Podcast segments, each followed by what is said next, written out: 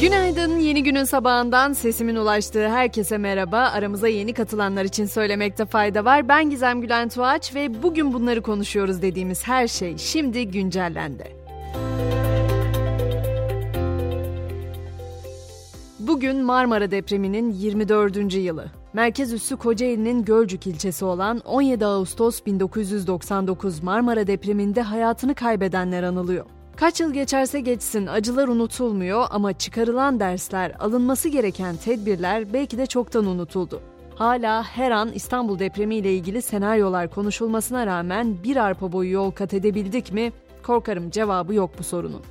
Bugün yine deprem tehlikesinin her an ensemizde olduğunu unutup belki de başka şeyleri konuşacağız. Mesela gözlerin çevrileceği o toplantıya bakalım.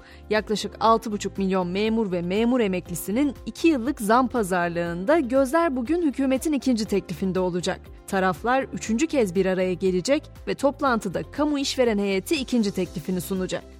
Başkentin gündemi kadar havası da hararetli. Ankara Büyükşehir Belediyesi de mevsim normallerinin üzerinde seyreden aşırı sıcaklıklar nedeniyle arazide ve sahada çalışan personelin zorunlu haller dışında 10.30'da 15.30 saatleri arasında çalıştırılmaması kararı aldı. İstanbul'daki su krizini de konuşmamız lazım. Zira hem İSKİ hem de İstanbul Büyükşehir Belediye Başkanı Ekrem İmamoğlu İstanbullulara su tasarrufu çağrısında bulundu. Şehirde baraj bölgeleri yağış almadığı takdirde 91 günlük su kaldığı, bunun da %25'inin buharlaşması durumunda bu kullanımın 61 güne düşeceği hesaplandı. Bu da istenilen düzeyde yağış alınmazsa İstanbul'da Ekim ayı ortalarında suların kesilebileceği anlamına geliyor. Yüksek Öğretim Kurulu'ndansa yurt dışındaki üniversitelere kayıt yaptırmayı düşünen öğrencilere bir uyarı geldi. YÖK ve Türkiye'deki devlet üniversitelerinin logosunu kullanan sahte üniversite ve yanıltıcı reklamlara karşı dikkatli olunması istendi. Son dönemde YÖK'ün adını ve logosunu kullanan sanal üniversiteler ya da saygın Türk üniversiteleri ile işbirliği yaptığını, çift diploma verdiğini iddia eden kurumlarla ilgili çok sayıda şikayet geldiği bildirildi.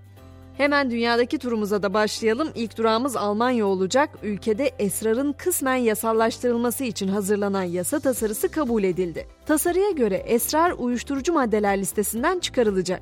Yetişkinlerin 25 grama kadar esrar bulundurmasına ve kişisel tüketim için 3 bitki yetiştirmesine izin verilecek. En fazla 500 üyeye sahip olacak Kenevir Sosyal Kulüpleri adı verilen derneklerse kenevir yetiştirebilecek ve dernek üyelerine esrar tedarik edebilecek. Geçiyoruz Amerika'ya. İnternet bağlantısı kopan robot taksiler San Francisco'yu birbirine kattı. ABD'nin San Francisco kentinde robot taksilerin sayısının artırılmasına onay verilmesinden bir gün sonra internet bağlantısı kopan 10 taksi trafik sıkışıklığına sebep oldu. Sürücüsüz 10 robot taksi iki dar sokakta sıkışıp kaldı. Bilim insanları ise beyin yüzeyine yerleştirdikleri elektrotlarla çığır açan bir çalışmaya imza attı. Çalışmada epilepsi ameliyatı sırasında Pink Floyd'un Another Brick in the Wall şarkısını dinleyen hastaların 10 yıl önce kaydedilmiş beyin dalgalarından faydalanarak grubun şarkısı yeniden oluşturuldu. Çalışma konuşmakta güçlük çeken hastalar için umut anlamı taşıyor.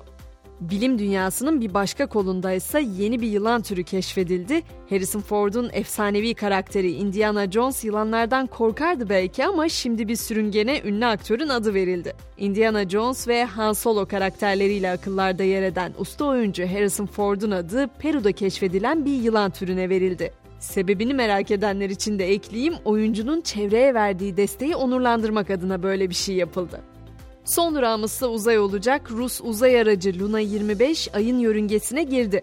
Ayda yaklaşık bir yıl süreyle araştırmalar yapacak araç su aramanın yanı sıra uzay ışınlarının ve elektromanyetik emisyonların ay yüzeyindeki etkilerini inceleyecek.